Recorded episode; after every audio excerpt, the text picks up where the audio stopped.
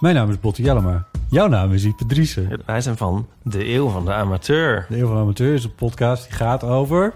Alles. Het is een eh, podcast over levenskwesties die je niet kunt googlen. Een soort licht neurotische blik op het leven. Het is een podcast met humor. Jezus. Kijk, een grapje. Die, die vragen durft te stellen en die je ook onbeantwoord durft te laten. Mooi. met een regenboogvlagje. Dat, dat noem je queerbot. Dat an- regenboogvlag, dat klinkt echt als een soort... Eh, ik bedoel, iedereen is welkom. Kom ons luisteren in je favoriete podcast-app.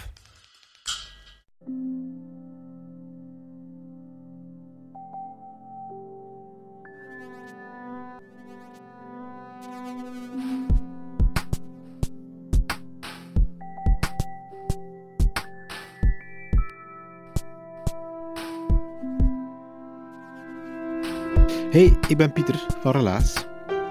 In Relaas hoor je waar gebeurde verhalen en die worden verteld door de mensen die ze zelf hebben meegemaakt. We gaan luisteren naar Cleo. Cleo vertelt zo'n verhaal waarvan je achteraf denkt: damn, de wereld is echt wel klein. En het is zo, hè. soms hangt het leven helemaal samen van toevalligheden. En als je er dan zelf eens aan terugdenkt, aan een aantal belangrijke dingen die je in je eigen leven gebeurd zijn, dan kom je ook wel soms tot de conclusie, allez, ik toch, dat er heel wat toevalligheden aan de basis liggen van wat er allemaal gebeurt in je leven.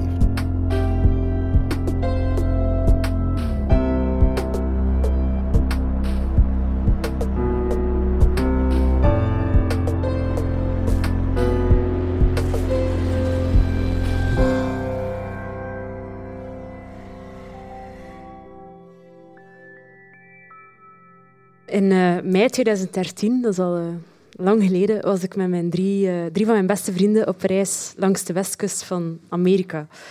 En dat waren niet alleen mijn, eh, mijn beste vrienden, maar op dat moment speelden we ook samen in een band muziek. Ehm, en in België zagen we elkaar een paar keer per week om eh, concerten te spelen en te repeteren, maar ook heel vaak om gewoon bij elkaar rond te hangen en te luisteren naar onze favoriete muziek, naar onze favoriete platen en iemand zijn living. En in die tijd was dat eigenlijk 100% Amerikaanse muziek. We waren in een heel collectieve, obsessieve fase eh, rond roots, Americana, folk en country. En liefst alles wat dat met meerstemmige samenzang was, die dat wij dan heel hard probeerden nadoen en te evenaren in onze eigen muziek. En op een van die avonden hadden wij het, eh, het idee gekregen van ja, misschien moeten we gewoon samen een keer naar dat continent reizen waar al die fantastische muziek vandaan komt. hè. In, in ons hoofd was dat zo de wijze landschappen en van die bars op afgelegen plekken waar het al zo filmische figuren aan de toog hangen en filosoferen en daar dan een prachtige country hit over schrijven s'avonds als ze beschonken thuiskomen. En we hebben daar een tijd over zitten, zitten dromen en op een bepaalde dag dus effectief tickets gekocht om zes weken lang naar daar te reizen en van San Francisco naar Vancouver in Canada te trekken. En omdat wij allemaal samen muziek speelden, dachten we ook van, wat als we daar nu een keer een tourke aan proberen koppelen? Dus eh, ik denk dat wij 500 bars en clubs hebben aangeschreven van hallo, wij zijn een Belgische band waar jullie nog nooit van gehoord hebben. Mogen wij alstublieft bij jullie komen spelen? Eén gratis pint per man en voor ons de deal rond. Ik denk dat we er toch zo vijftiental of zo overtuigd hebben om dat dan te doen. Dus wij naar Amerika, glorietijden.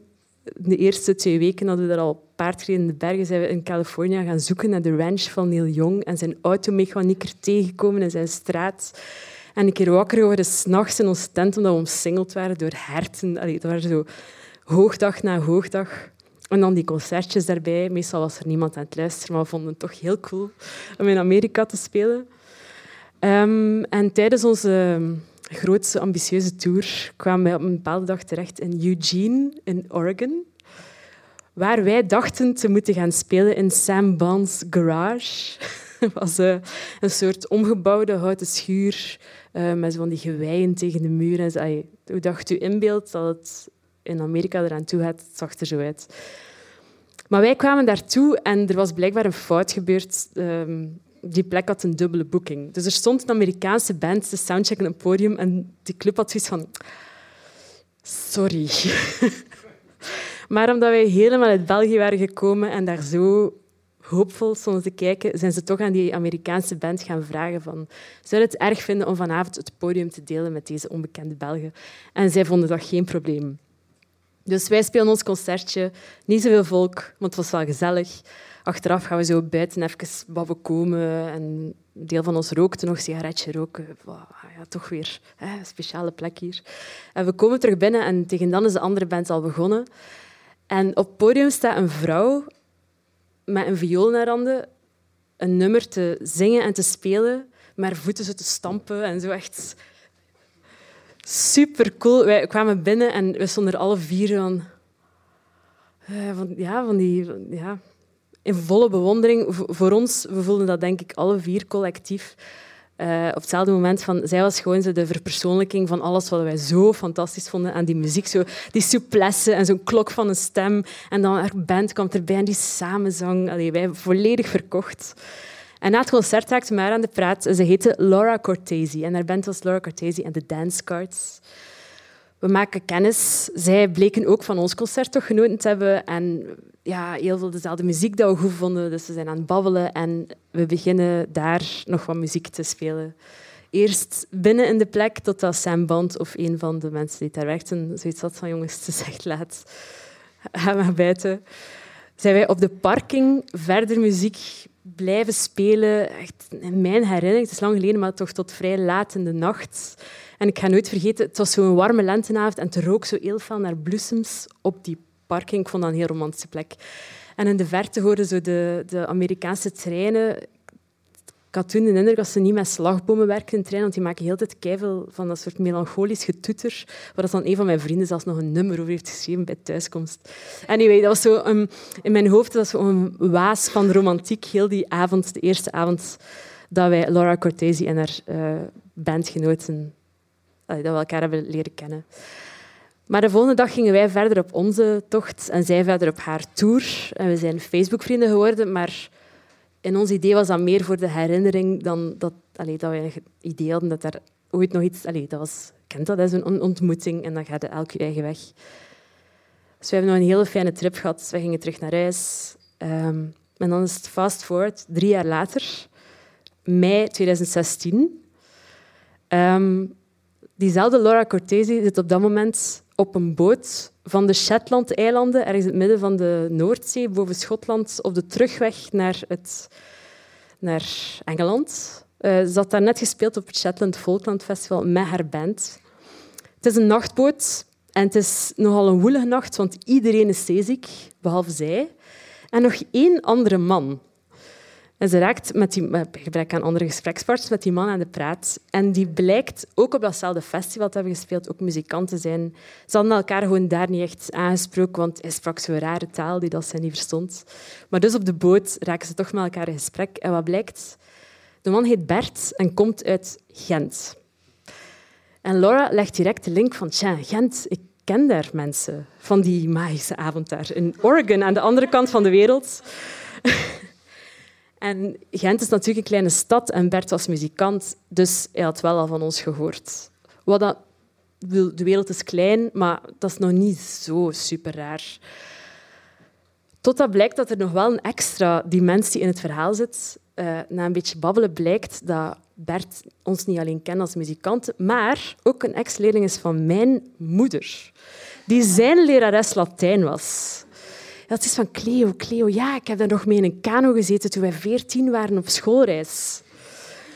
En mijn moeder heeft in haar 35-jarige carrière als lerares Latijn eigenlijk maar met één klas een echte band. En dat is met de klas van Bert. Dus Bert is mijn leeftijd.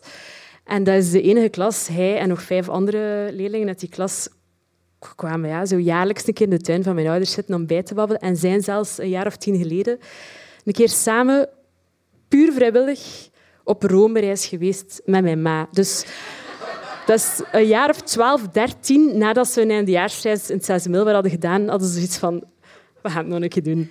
Dus zo tof vonden zij mijn ma en vice versa. Dus daar op die boot in de zwarte nacht op de Noordzee bleek de wereld toch wel al heel erg klein te zijn. Maar het was een beetje hetzelfde met die ontmoeting in Oregon. Laura en Bert praten de hele nacht.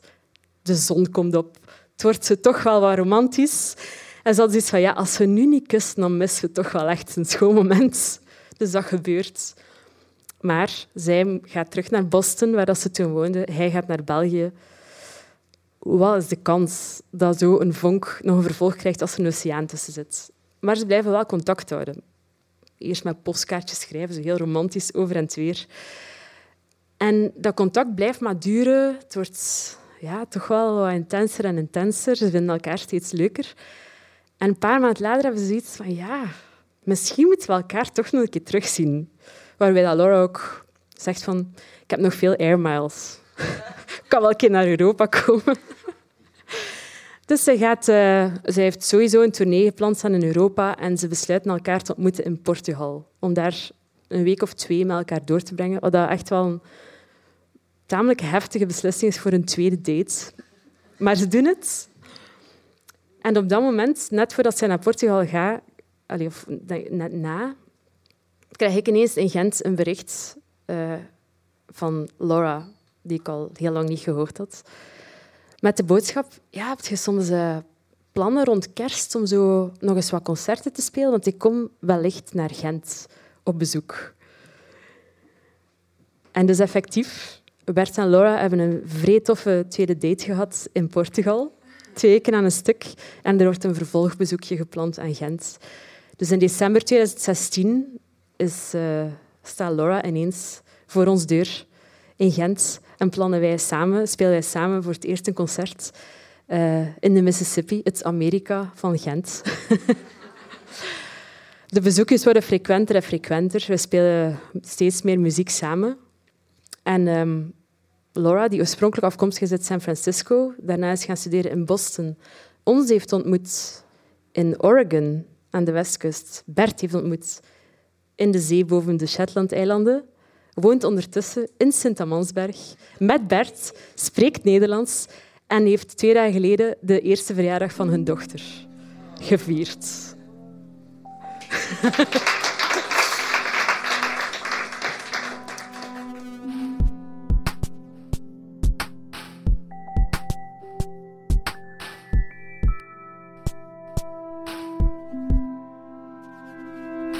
Dat was het relaas van Cleo. Ze heeft het verteld in het Huis van Alijn in Gent. Het was in oktober van 2021. En uiteraard het verhaal van twee muzikanten die elkaar ontmoeten en dat de wereld zo klein was. Niets is toevallig natuurlijk, hè? Of ben je daar niet van overtuigd? Wist je trouwens dat de mama van Latijn ook nog in de zaal zat? Toevallig.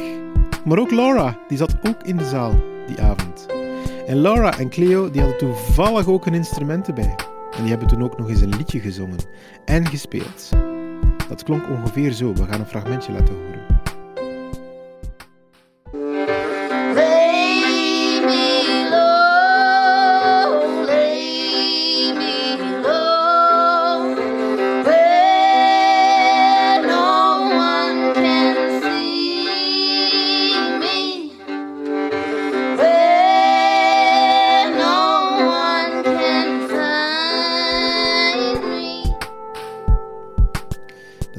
Maken om toch eens naar een live vertelavond van Relaas te komen.